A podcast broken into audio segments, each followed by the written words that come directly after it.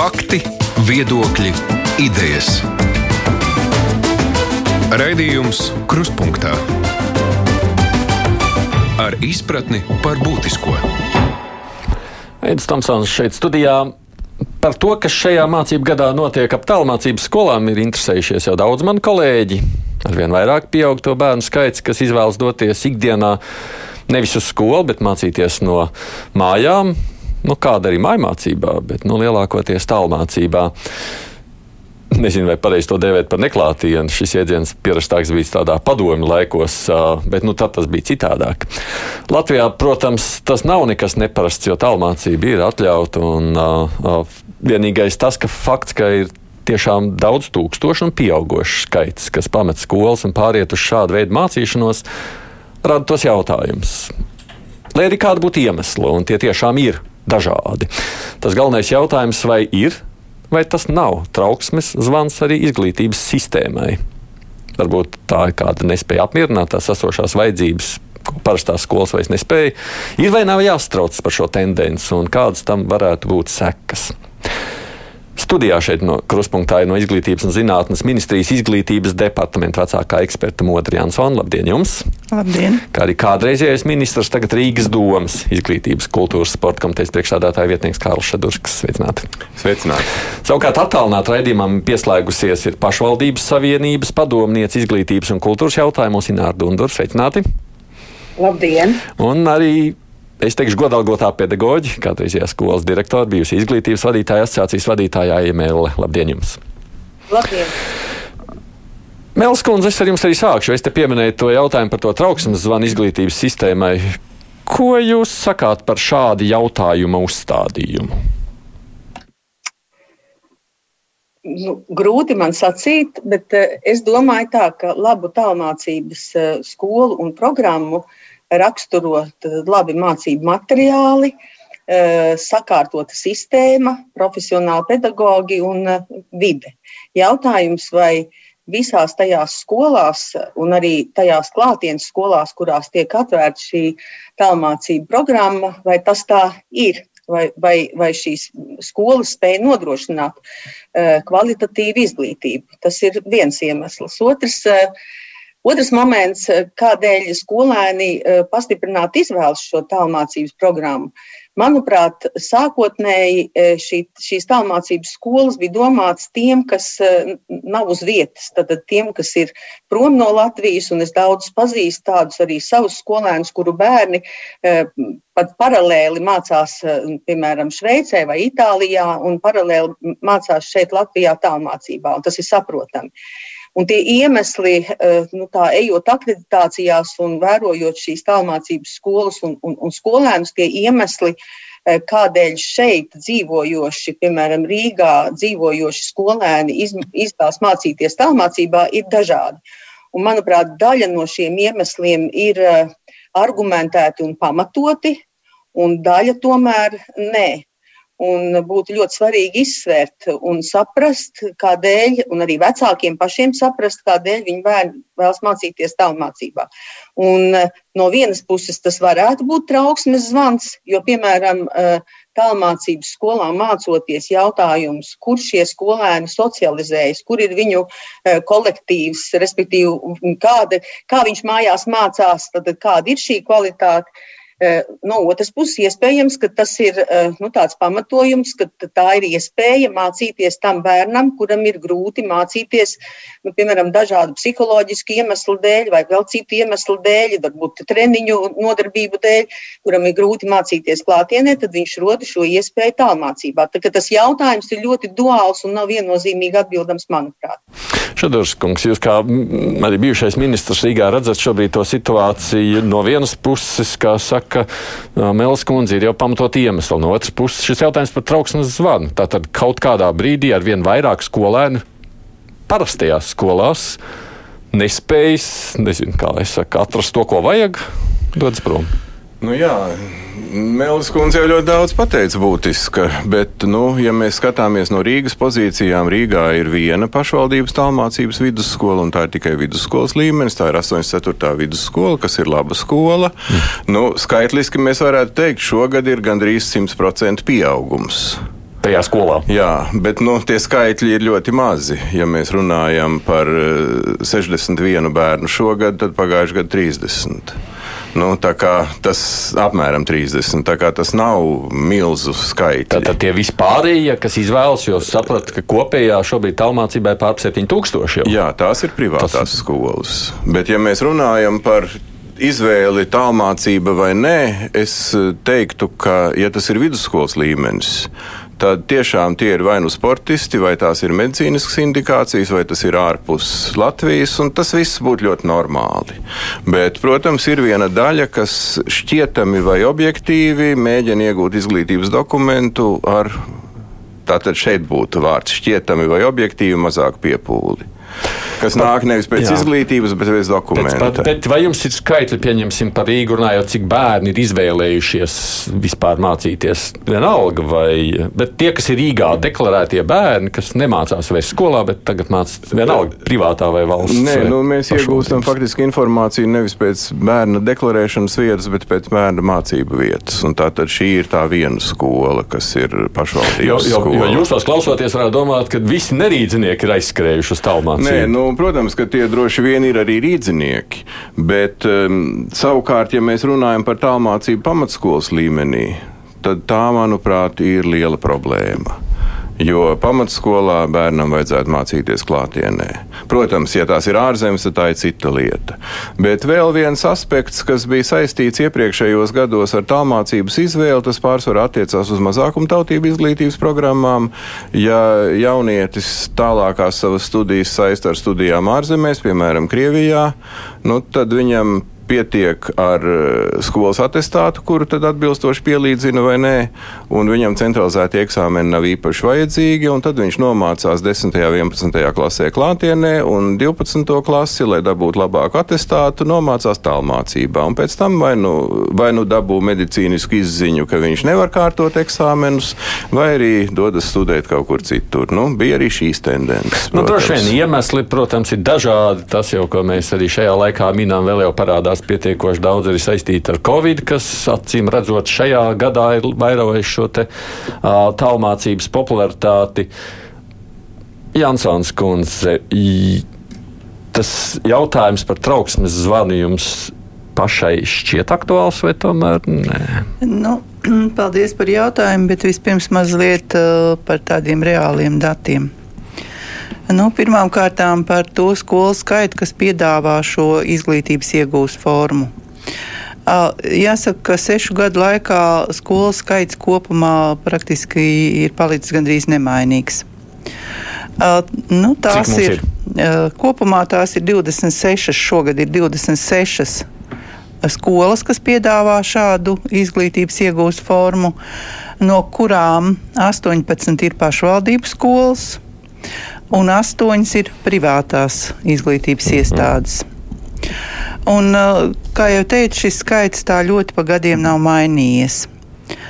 Uh, jāsaka, ka pašvaldību skolas mazliet ir mazas svārstības. Tur vienu gadu kāda klāt, vienu gadu kāda mazliet samazinās, bet tas būtiski nemainās. Ja runājam par uh, kopējo izglītojamo skaitu šajā mm, izglītības formā, tad um, tāds būtisks uh, skaita pieaugums tālmācības programmās bija vērojams jau pagājušajā gadā. Tā kā tas nav tāds uh, īpašs lēciens, jo jau pagājušajā gadā vairāk par tūkstoti bija uh, skolēnu skaita palielinājums tieši tālmācības programmās. Šogad ir 1500, bet pagājušajā gadā bija vairāk par tūkstoti. Tā kā tāda tā, tā, nu, tā teiksim, tendence jau nu, ir pēdējo divu gadu laikā. Pēdējo jā, divu gadu laikā. Pieaugums. Atbildot uz jūsu konkrēto jautājumu par bažām, tad man būs jāpiekrīt Šadurskungam, jo tieši runājot par pamatizglītību un pamatizglītības pirmo posmu kur mēs šogad redzam ļoti lielu izglītojamo skaitu pieaugumu tālmācībā. Pirmajā klasē, otrajā, trešajā, ceturtajā, piektajā. Un, tas pieaugums ir ļoti, ļoti būtisks. Tur, tur pieaug pat uh, divreiz un, un trīsreiz mm. izglītojamo skaits. Un uh, šeit bažām ir pamats.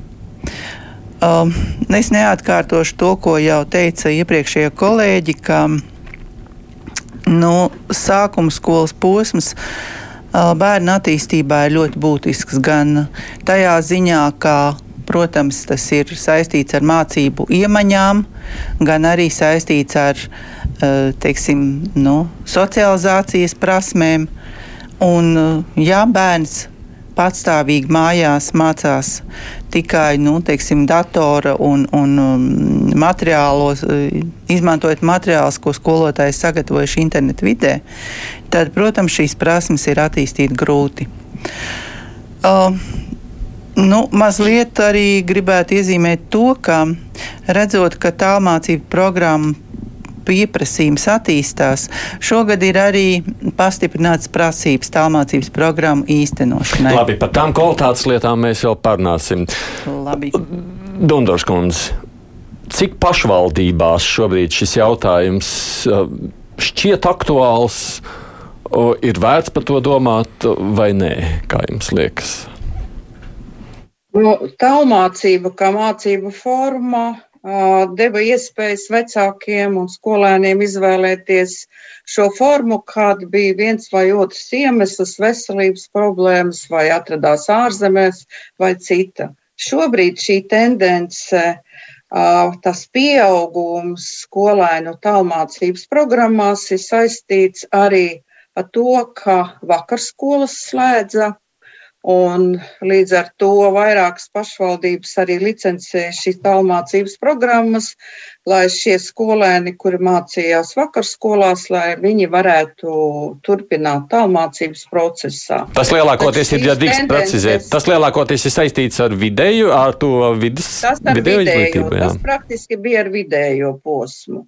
Bet šīs tendences, kas šobrīd parādās, kad ir šis pamatskolas un sākums skolas posms, protams, rada bažas, un es neatkārtošu to, ko kolēģi teica. Es tikai gribu papildināt to, ka, ka ietekme šīm izvēlēm, un mēs redzam arī pēc situācijas, ir saistīta ar Covid situāciju.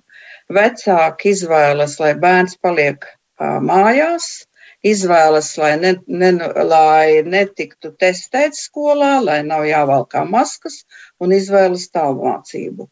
Savukārt, runājot par pašvaldībām, tad uh, skolas runā tās, kas arī ir šīs programmas licencējušas, ir tiesības tālmācības tātad programmās mācīties skolēniem, ka, lai ļoti nopietni runā ar vecākiem, kas ir tie iemesli, Jo ilgtermiņā es baidos, ka zaudētāji būs tieši skolēni, ja mācību procesu uzsāk jau sākuma skolas posmā.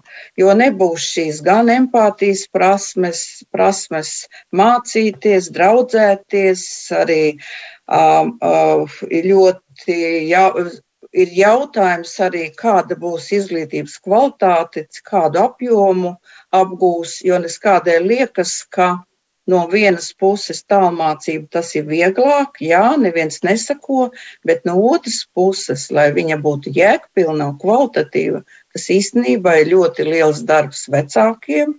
Tas ir ļoti liela pašdisciplīna, pa ko es domāju, bieži vien neaizdomājas. Šobrīd tiek pieņemti lēmumi, izvēloties tālmācību mazajās klasēs, vairāk balstīts uz emocijām un šā brīža situāciju. Bet uh, pašvaldības skolas uh, ir gatavas, ja tie skolēni pārdomā un atgriezties uh, klātienē, Un, un ir noteikts neatkarība no tā, kā tas ir parādīts sistēmā, ka noteikti jāņem šos bērnus atpakaļ. Un tas jautājums par meidotācijām, tas ir ļoti otršķirīgs jautājums. Svarīgi, lai bērni mācītos tomēr klātienē. Ja drīkst, jā, jā, es sapratu. Mēs vēl turpināsim, bet te jau līdzīgi kā klausītājs arī saka, Marots saka tā, nu, pagājušā gadā tālmācība bija skolā lielā mērā noteikti kā obligātā. Iepatikās. Nu, tas ir protests pret bērnu obligāto vakcināciju un mocīšanu ar masku valkāšanu skolās. Nu, proti, jā. Vai es drīkstu komentāru? Protams, komentāru. protams. Pirmais komentārs runājot par vakarskolām, kuras, manuprāt, vēl nav likvidētas, bet tad vakarskolās jau var mācīties no sākot no 8. klases. Un tas kontingents, kas mācās vakarskolās, manuprāt, pārsvarā tie ir skolēni, kuriem ir nepieciešama skolotāja palīdzība tomēr ikdienā. Un tad jau pašā nosaukumā vakarskola, tad viņi iet uz skolu vai pa vakariem vai vairākas reizes nedēļā, bet tomēr viņi nepārtrauktā kontaktā ar skolotāju. Tas nav viens pret viens, kas tālmācība. Tad, ja viņi no vakarskolām tagad eh, domājot, ka vakarskolas slēgs, grib pāriet uz tālmācības programmām, tas tieši tā kā Dundurs kundze sacīja, tā ir ļoti liela pašdisciplīna, un tas ir jautājums, kā bērns mācās, kā viņš spēj savu darbu organizēt mājās. Un tas otrs komentārs tieši par to, ko jūs teicāt, ka pagājušā gadā mēs visu gadu mācījāmies uh, attālināti eh, Covid dēļ, un eh, mēs raudām, eh, raudājām, un šobrīd esam nu, tādā valstī prioritāte noteikti, ka mācības par katru cenu saglabāt klātienē līdz pēdējiem brīdim, ka skolas būs pēdējais bastions. Un, lūk, daļa skolēnu šī iemesla dēļ tagad nu, grib vēlas pāriet uz tālmācību, un šīs ir trauksmes zvans. Jo mēs zinām, ka arī gan sākuma skolā, un tad runājot ar skolu vadītājiem kursos, Eh, ļoti daudz piemēru, ka ir eh, daudz tādu prasmu, iemaņu, zināšanu, kuras nevar, it īpaši sākuma skolā, bērnam iemācīt attālināti. Ja?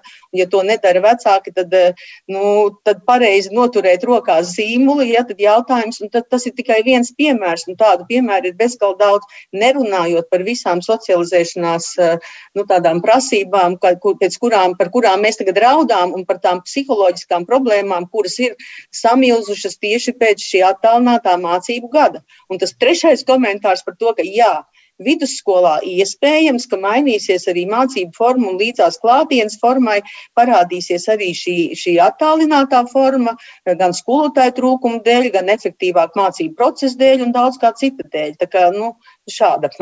Man te Dainis Grūba raksta šādi. Tas, ka katrs, kurš nevēlas mācītās, drīkst pāriet uz tālmācību, taču veicinās tālāku sabiedrības debilizāciju. Es arī skolas gados būtu vēlējies šādu tālmācību. Es biju diezgan slings, tikai tagad, laikam, tad es būtu galīgs muļķis. Tā viņš raksta no tāda sava skatu punkta. Bet tas, ko jūs sakāt, faktiski nu, visi četri jūs sakāt, ka lāga tā situācija šobrīd ar tendencēm nav. Vai um, mums vispār mēģinām kaut kādā veidā kā, analizēt iemeslus, uh, Jansons kundze, kas tad nosaka šo tendenci pieaugušo? Nu, iemesli jau šeit tika, tika uzskaitīti. Nu, viņi tiek minēti tādi, nu, ka mums tā šķiet, ne? Tā nav? Nē, nu, katra vecāka konkrēto lēmumu jau nu, teiksim, vecāks pats uh, pārunā ar skolas direktoru, no kuras viņš iet projām. Ja? Tā kā mēs uh, šīs tendences saprotam, komunicējot ar mm. skolu vadītājiem un tādā veidā izsverot. Bet, um, Nu, kopumā jāsaka tā, ka es negribētu teikt, ka uh, šī uh, tālmācības programmu īstenošana ir nu, zīmogs, ka tas nav labi. Mm -hmm. Tā nav, jo mums uh, blakus, uh, blakus uh, klātienes uh, izglītības formām klātienes skolām ir ļoti labas arī tālmācības skolas. Tā izskaitā gan pašvaldības lauciņā, gan privātajā lauciņā, uh, kuras ilgstoša un, teiksim tā, ļoti pamatīga darba rezultātā sevi ir pierādījis. Nu, proti, Piemēram, to kvalitāti var nomērīt ar, um, ar kaut kādiem rezultātiem. Ar akreditāciju, ar izglītojumu atsauksmēm, ar centralizēto eksāmenu rezultātiem, ja runājam par vides, vidējās izglītības mm -hmm. posmu. Un, uh, un tādas ir. Un teikt, ka, uh, ka tālmācības programmas uh, noteikti nevar nu, Iemācīt a priori ko, iemācīt, ja tā nebūs taisnība. Jautājums, cik un pamatīgi un kvalitatīvi šis process notiek. Uh, tas ir viens. Otrs, nu, te jau visi arī to pašu saka, da, izglītības forma dažādībai ir jābūt. Tas ir nepieciešams, lai būtu dažādas izglītības formas. Uh, un šī tālmācība ir viena no uh, formām. Un, un, jā, es savā praksē arī esmu pārliecinājusies, ka vienai izglītojamo daļai tā ir ļoti nepieciešama.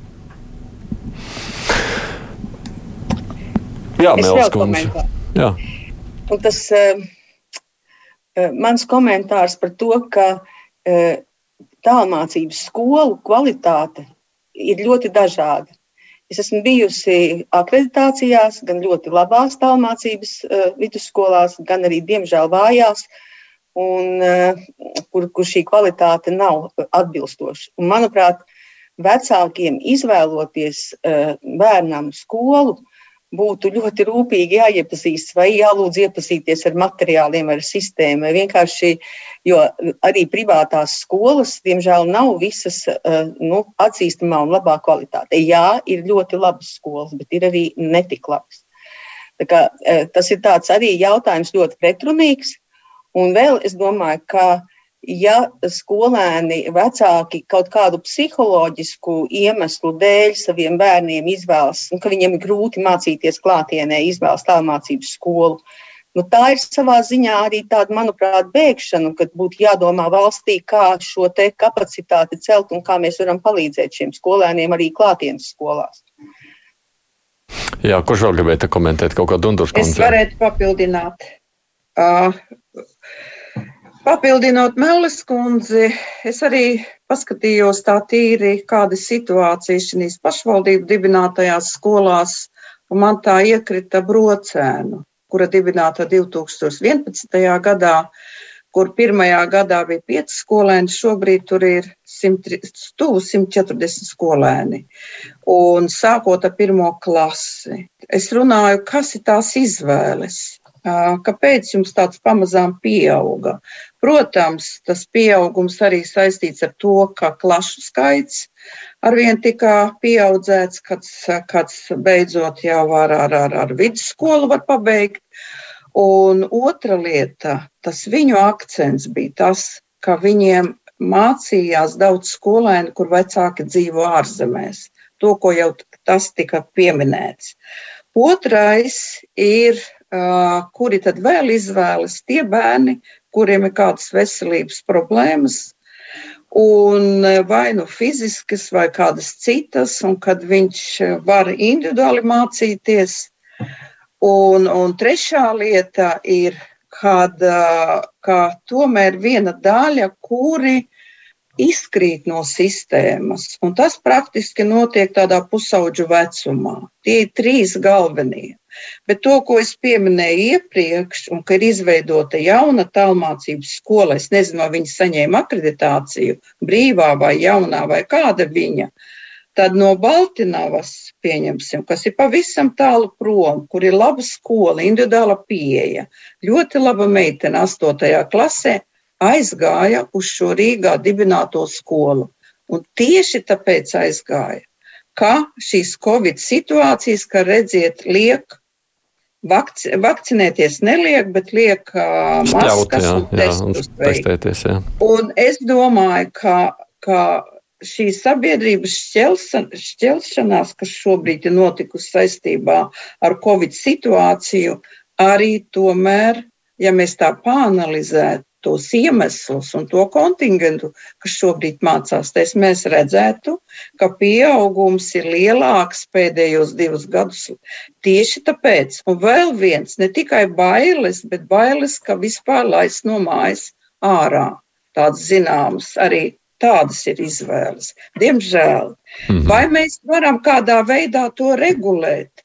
Nu, ja jau reiz uh, likumdevējs ir pateicis, ka vecākam ir izvēles iespējas, tad īstenībā mums nav tāda instrumenta, lai mēs novērtētu, vai vecāks var uh, un ir spējīgs un ir nodrošinājums tehnoloģiskais mājās, lai varētu tam bērnam palīdzēt ja mēs runājam ar sākuma skolu un pamatskolu. Jā, vidusskolā mācās patstāvīgi, un atkal vidējā izglītības posmā tur ir dažādi šie uh, izglītojumie, arī tas, ko Šadurska kungs minēja. Un, un, un es nezinu, manuprāt, mums šobrīd vienīgais, ko mēs varam darīt, ir kad uh, izglītības kvalitātes valsts dienas seko līdz šīm, šīm skolām, kuras ir licencējušas tālmācības programmas. Kā tas notiek, kontrolēt, jo vecāku izvēlē mēs nevaram ietekmēt. Tā ir viņu brīva izvēle, tā ir pateicis likumdevējs. Jansons kundze jau te pieminēja, mēs par to kvalitāti tūlīt runāsim, bet mēs esam šobrīd sazvanījuši Rīgas tālmācības vidusskolas direktoru Edgaru Grīni. Grīņkungs, labdien! Jā, labdien! Pa priekšu, lai precizētu, tātad jūsu vidusskolā no kuras klases tad ir pieejamas mācības tālmācībā? No septītās klases. No septītās. Jaunākus ne, neesat apzināti vēlējušies piedāvāt ne, jaunākiem? Mēs arī uzskatām, ka pirmā, sestā klase ir jāiet klātienē, ja vien, ja vien nav pavisam īpaši iemesli. Jā. Jums ir šajā gadā arī krietni tas pieaugums bijis pēdējo divu gadu laikā interesantu. Mums nu, šogad pieaugums apmēram 20%. Nu, tas ir kādi simts izglītojumi vairāk. Cik te jums ir kopumā skolēni jūsu skolā? Tagad drusku pār 700 ar pārpa 700, kas mācās tālmācībā jūsu skolā. Runājot savukārt par iemesliem, nu kas tad ir tie pamati jūsuprāt iemesli, kāpēc bērni izvēlas, un vai jums šķiet, ka tie vienmēr ir tiešām adekvāti iemesli? Nu, tā izvēle šogad, šogad nu, tie, kas nāk vairāk nekā parasti, viņi patiešām viena daļa teica, mēs negribam visu dienu sēdēt, vecāki par viņu vietā teica, mēs negribam visu dienu sēdēt maskā. Un otra grupa teica arī, mēs um, pagājušajā gadā piedzīvojam attālināto mācīšanos, un tas bija mokoši. Un tad mēs labāk nākam uz tālmācību, kur tas attālinātā mācīšanās ir daudz sakārtotāka. Nu, un, tad, eh, un tad nāk uz tālmācību tie, kuri parasti jau nāk. Mums ir sportisti, mākslinieki un tādi teiksim, blogeri kā Edijs Pipars, kurš, kuram nav laika iet katru dienu uz skolu. Un tas, kas šogad ir raksturīgi, ka tiešām tie skolas vecumi līdz 18 gadiem, ka tie ir kļuvuši vairāk. Tas jau 65% mums ir tāda obligātā vecuma izglītojumā. Vispirms, tie vecākie paliek mazāk. Jā. Vispirms, eh, tīri cilvēciski man ir interesi, ko jūs sakāt? Ir jāsatraucas par šo tendenci un ir jādomā valstī kaut ko, lai, eh, nu, lai nodrošinātu to, ka tiešām mācās tie, kuriem tur būtu jāmācās, vai nē? Nu, vai valsts to var nodrošināt? Nu, akreditācija jau ir. Bet mēs arī katru reizi jautājam, nu, tiešām uz tālmācību, un, un, un tie iemesli ir, ir ļoti dažādi. Un es dzirdu arī tajā sarunā, tomēr, ka pret tālmācību aizspriedumu pastāv neizbēgami. Ja? Tas, ka cilvēks var patstāvīgi mācīties, tas nu, nevienmēr liekas ticami. Un tie, kas atnāk un mācās, tur kā parasti ir viss spektrs. Ir tādi, kur ir atnākuši pārpratumu pēc, un mūsdienās arī nav nekāda problēma. Ja tu divus mēnešus nomācies un saproti, tas nav priekš tevis, vienā dienā tu vari mainīt skolu. Un ir tādi, kuriem patiešām tālmācība ir vienīgā iespēja. Mums bija, teiksim, ieva meitene ratiņkrēslā, kur, kurai tā bija vienīgā iespēja pabeigt vidusskolu. Viņa bija par to ļoti laimīga. Tā kā tas spektrs tiešām ir plašs, un tas, par ko valstī vajadzētu uztraukties, manuprāt, ir, ka nu, arī tie priekšstati par nu, teiksim, pedagoģijas metodiku un didaktiku mums ir ļoti iesīkstējuši. Labi, tagad uh, projekts Skola 2030 cenšas mainīt. Ļoti labi, ka viņi cenšas mainīt to, kas jau daudzus gadus stāvēs uz vietas. Bet tur es liktu iekšā vairāk spēku tieši metodiskajā, didaktiskajā atbalstā, mācību līdzekļu kvalitātes pārbaudē un tam līdzīgās lietās. Lai mm -hmm. ko viņi mācās, vai tas ir kvalitatīvāks, nevis kā viņi mācās. Vēl pēdējais jautājums jums. Jā. Socializēšanās ir lieta, kas ir jāiemācās arī šajā mhm. skolas laikā, un kā tad jūs to varat nodrošināt? Nu, socializēšanās ir absolūti nepieciešama, bet Bet iedomāties, ka socializēšanās notiek tikai klases kopienā vai skolas kopienā, jau nav pareizi. Mūsējie visi arī, ja viņi nav strādājuši ģimenes cilvēki, tad viņiem ir Viņiem ir pulciņi, viņiem ir komandas, viņiem ir draugu lokus. Tādi, kur vieni paši sēdēt mājās savu raksturu dēļ, ir salīdzinoši reti. Socializēšanās notiek arī ne tikai klasē un skolā. To es teikt. Mm -hmm. Edgars Grīns Rīgas tālmācības vidusskolas direktors. Paldies par sarunu. Es tikai atgādināšu savukārt klausītājiem, te mums ir arī diskusijas dalībnieka Eja Melle, kā kādreizējā skolas direktora Ināra Dundur no pašvaldības savienības, no Rīgas domas Kārls Šadursks un izglītības un zinātnes ministrijas Modri Jansone. Raidījums Krustpunktā komentāri par tikko teikto. Es sapratu, šo jūs gribējāt. Nu, skaidrs, ka tā mācība prasa lielāku patstāvību no izglītojumā, lai iegūtu tiešām kvalitāti. Un savukārt eh, lielāka patstāvība tas polarizē sabiedrību. Būs tālmācību tālmācībā iegūšu izglītību, kas iegūs ļoti labu izglītību, un būs tādi, kas nu, mēģinās šļūgt pa vieglo.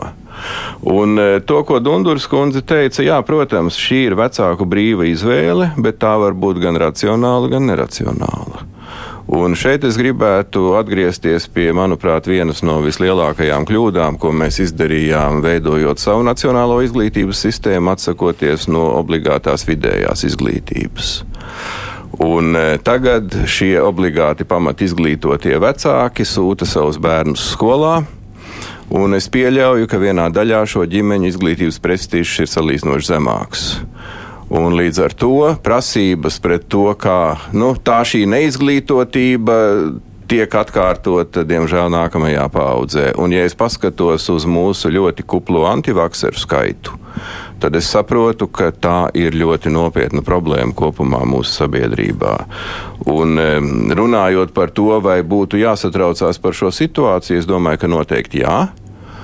Un es domāju, ka noteikti vajadzētu pārskatīt tos kritērijus un nosacījumus. Es runāju par pamatizglītības posmu tālmācībā. Mm. Jo tiešām tālmācība, nu, atceramies to, ka pamatizglītība vismaz mums ir obligāta un to, ka tālmācībā pamatskolā vajadzētu tiešām mācīties tikai tiem bērniem, kuriem ir konkrētas indikācijas. Vai tā ir veselība, vai tā ir dzīves vieta, nu, tad, vai kaut kādas psiholoģiska rakstura problēmas, bet nevis vienkārši tāpēc, ka man tā gribas. Un savukārt tie vecāki, kas izvēlās tālmācību vai apmācību ģimenē, tie, manuprāt, arī dalās divās kategorijās.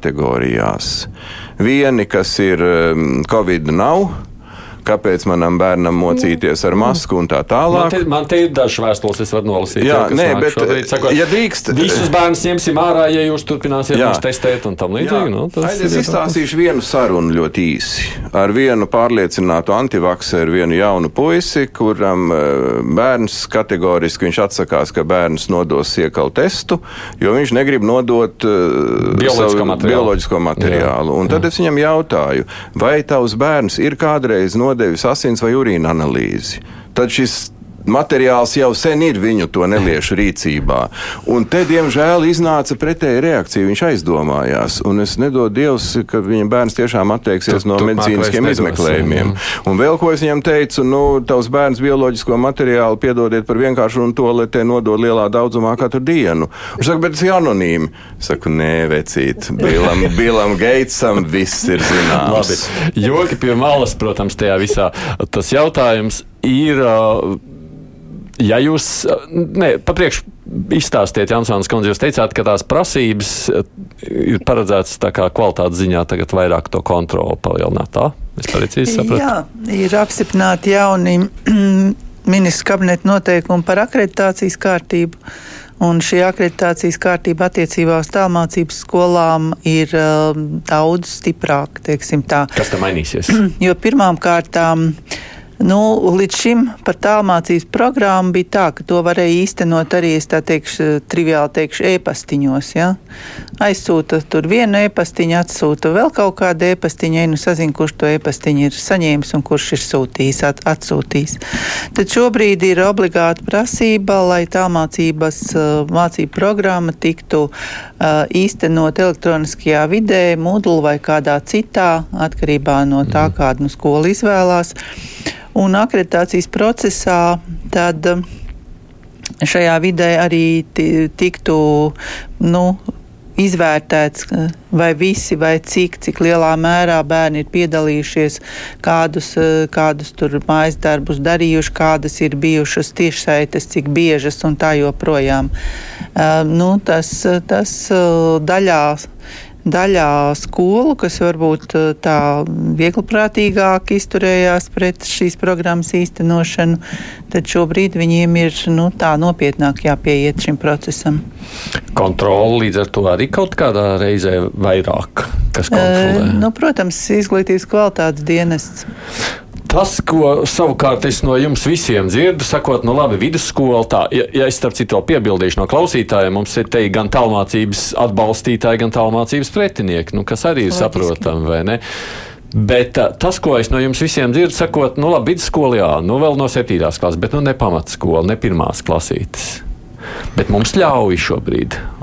Jā, ļauj. Es varbūt teiktu, ka septītā 8, 9 klase arī, arī īsti nē, nē.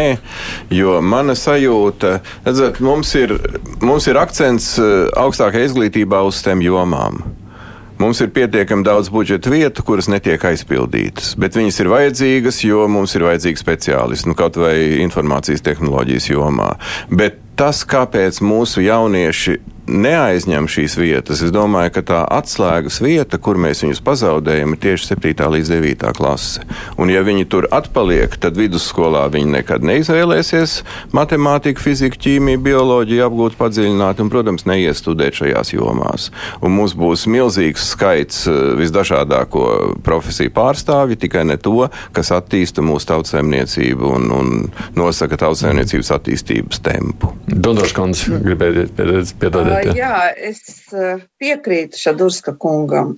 Arī šobrīd, kad skatījām mājmācību, kādos gadījumos var izvēlēties mājmācību, es aizstāvēju viedokli, ka mājmācība var būt tikai pirmās, sestās klases, jo to var realizēt. Savukārt, šobrīd ir tiesības saistībā ar MK 360. arī beigt pamatskolu. 7, 8, 9 klase, ķīmija, fizika, jeb STEM priekšmeti, laboratorijas darbi, viss pārējais. Tikai tāpēc, ka es nevēlos veikt testu vai masku valkāt, es mācos mājmācībā. Protams, tas ir atsevišķs stāsts, tā nav tālmācība, bet, nu, zināmā mērā ļoti liela līdzība. Tad eh, runājot par tālmācību, ja mēs varētu būt tomēr tik drosmīgi un pateikt, ka tālmācība ir tikai eh, vidējās izglītības posmā, savukārt pārējos gadījumos tikai stingri, ja tas citādi nav iespējams. Jo tur ir dažādas arī iemesli, tur veselības un vēl kādi. Mums šobrīd tālmācību izvēlas ja es negribu pildīt vienu vai otru prasību, vai es negribu būt skolā, un vai es negribu vēl, negribu, negribu, es izvēlos tālmācību vai mājmācību. Tādā veidā mēs praktiski to sistēmu nu, vājinām.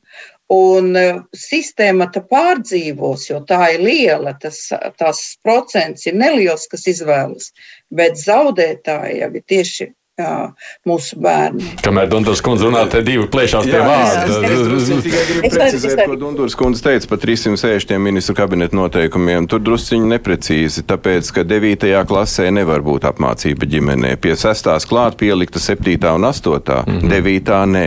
Un tas ir tikai Covid diktēts, diemžēl, ja, papildus nosacījums. Jā, tagad, tagad, tagad, tagad, arī 9. Arī 9. Šobrīd ir grozījumi arī 9. Arī 9. Arī 9. Jansons kundze zinās, viņa ir ministrijas pārstāvja. Bet uh, šobrīd varbūt ne par māju mācību. Atgriezīsimies pie mūsu tālmācības. Uh, es nepiekritīšu ne Dundurs kundzei, ne Šadurs kungam. Uh, tādēļ, ka tas tiešām ir man kā, kā nu, teiksim, tā, jā. mans viedoklis. Ja?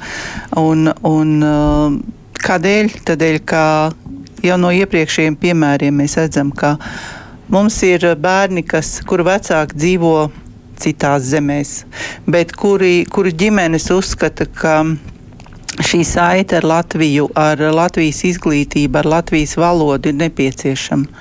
Un tādēļ mēs redzam, ka jau iepriekšējos sešus gadus, gan pirmajā, gan otrajā, gan katrā sākuma skolas klasē ir bijuši bērni, kas ir tālmācību programmās, kur pašvaldības skolas speciālisti šīs tālmācību programmas attīstījuši, lai šīm ģimenēm nodrošinātu iespēju iespēju paralēli, nezinu, Anglijas, Itālijas vai kādas citas valsts izglītībai arī iegūt līdz Latvijas Bet izglītību. Nevar noteikt striktākus nosacījumus, kuriem pamatskolas bērniem tā ir pieejama. Es tam arī gluži nepiekritīšu, tādēļ, ka tā izvēle tomēr ir ģimenes izvēle.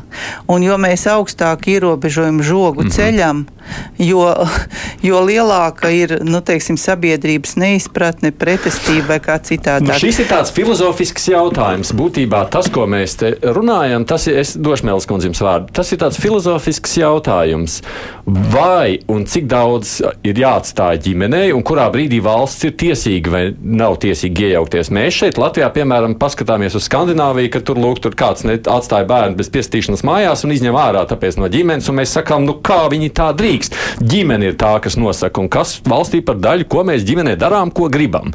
Un šis ir tāds jautājums, kur to robežu novilkt. Vai valsts atbild, vai atstāja visu to lemšanu tikai ģimenei? Mēlis kundze, es nezinu, ko jūs gribējāt teikt, bet es redzu, ka jūs jau ilgāk laika mēģināt. Jā, es, respektīvi, klausoties eh, kolēģi sacītajā, pirmkārt, eh, par mājas apmācību, kas bija nu, medicīniski iemeslu dēļ, lai piešķirtu bērnam mājas apmācību.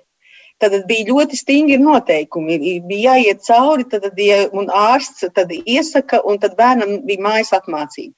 Par, par mā, māci, apmācību mājās, kas šobrīd notiek Covid dēļ, atbildību uzņemas vecāki. Nav svarīgas vairs medicīniskas indikācijas, atbildību uzņemas vecāki. Savukārt par tālmācību atbildību uzņemas skola.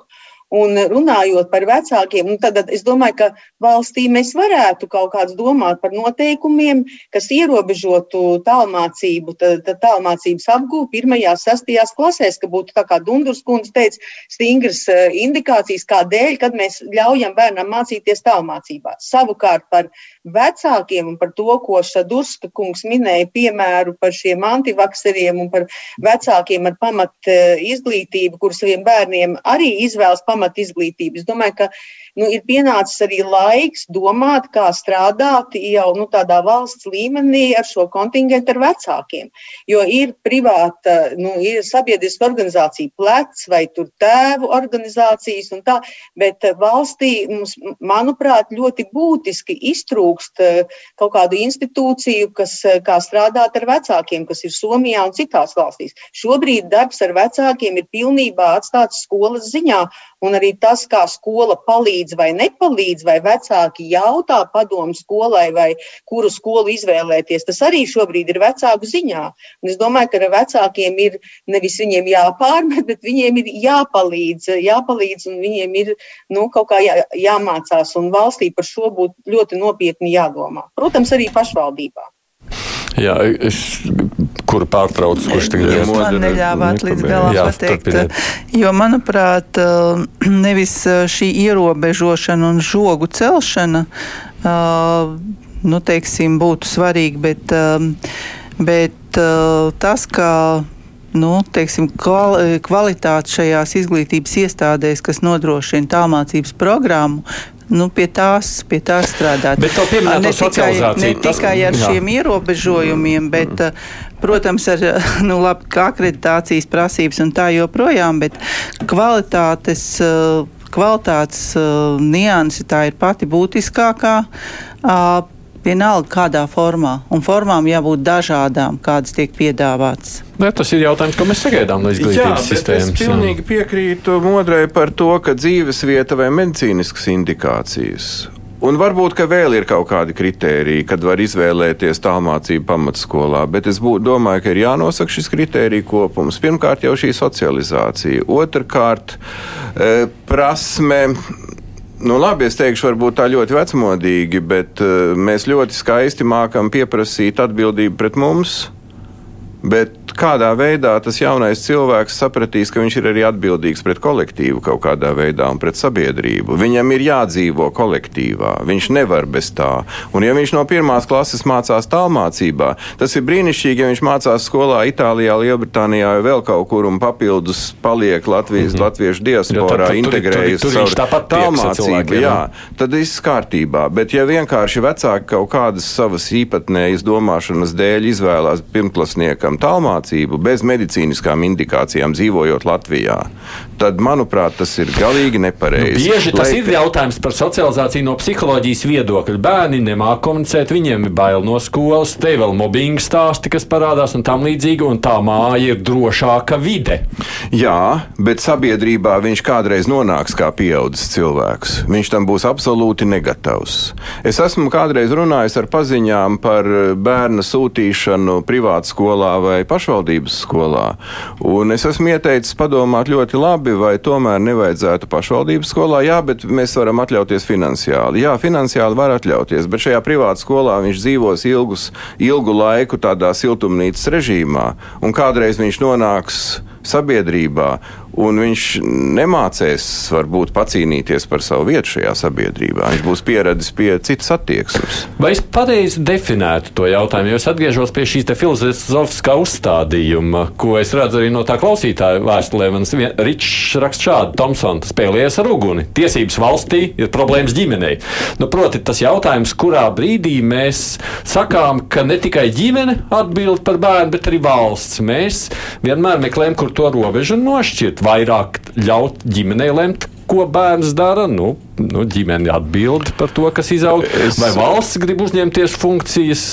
Noņemot kaut kādu atbildību no ģimenes. Es droši vien nebūšu eksperts šajā jautājumā, bet droši vien, ka mums ir divas galējības. Varbūt viena galējība ir, kas ir apvienotajā karalistē vai Zviedrijā, kur, kā mūsu izpratnē sīkuma dēļ, tiek lemts jautājums par bērnu izņemšanu no ģimenes. Bet vienu gadījumu, kas notika pirms pāris dienām Rīgā, kas ir vienkārši briesmīgs, kur māte atved savu bērnu pirmklasnieku uz skolu, ieved skolā un saka, ka viņš nenodos nekādus testus un vispār neko, un atstāja bērnu tur. Rezultātā skola ir panikā, ko ar šo bērnu darīt, jo māte ir aizgājusi projām, un à, māte vēl ir izsaukusi policiju arī pie reizes. Nu, beigu beigās tiek pasaukt arī pašvaldības policija kaut kādā veidā, tad visu dienu ar šo bērnu. Nabaga bērns ir izmisumā, kas notiek tagad ar viņu. Nu, beigās, protams, māte saņem kaut kādus administratīvos protokolus, kurus viņai noformē par šo bērnu atstāšanu bez pieskatīšanas. Bet eh, es domāju, ka, piemēram, apvienotajā karalistē jau institūcijas skatītu jautājumu par bērnu nu, izņemšanu nu, no ģimenes. Nu, ir vienmēr Dundars kundze, jūs bijāt griboši. Jā, uh, es gribētu teikt, ka te jābūt līdzsvaram. Individuālās tiesības bērna tiesības, un bērns ir tiesīgs saņemt kvalitatīvu izglītību, un arī valsts spēja iejaukties. Valsts tāpēc, un arī izglītības sistēma un izglītības politika, lai mēs radītu iespējas visiem bērniem saņemt kvalitatīvu izglītību. Šobrīd šis Rīgas piemērs bija kā bērns kā tiek izmantots vecāks kā manipulācijai. Līdz ar to mēs nevaram vienkārši pateikt, ka tikai atbildība ģimenē un mēs uh, neiesaistāmies. Uh, novilkt tieši robežšķirtni laikam nekad nevarēs, jo, jā, kā jau es teicu, jābūt līdzsvaram. Bet pilnībā, ka mēs sakam, jā, darat kā gribat, un viss ir kārtībā, es domāju, nebūtu īsti pareizi. Līdz ar to arī tālmācībai,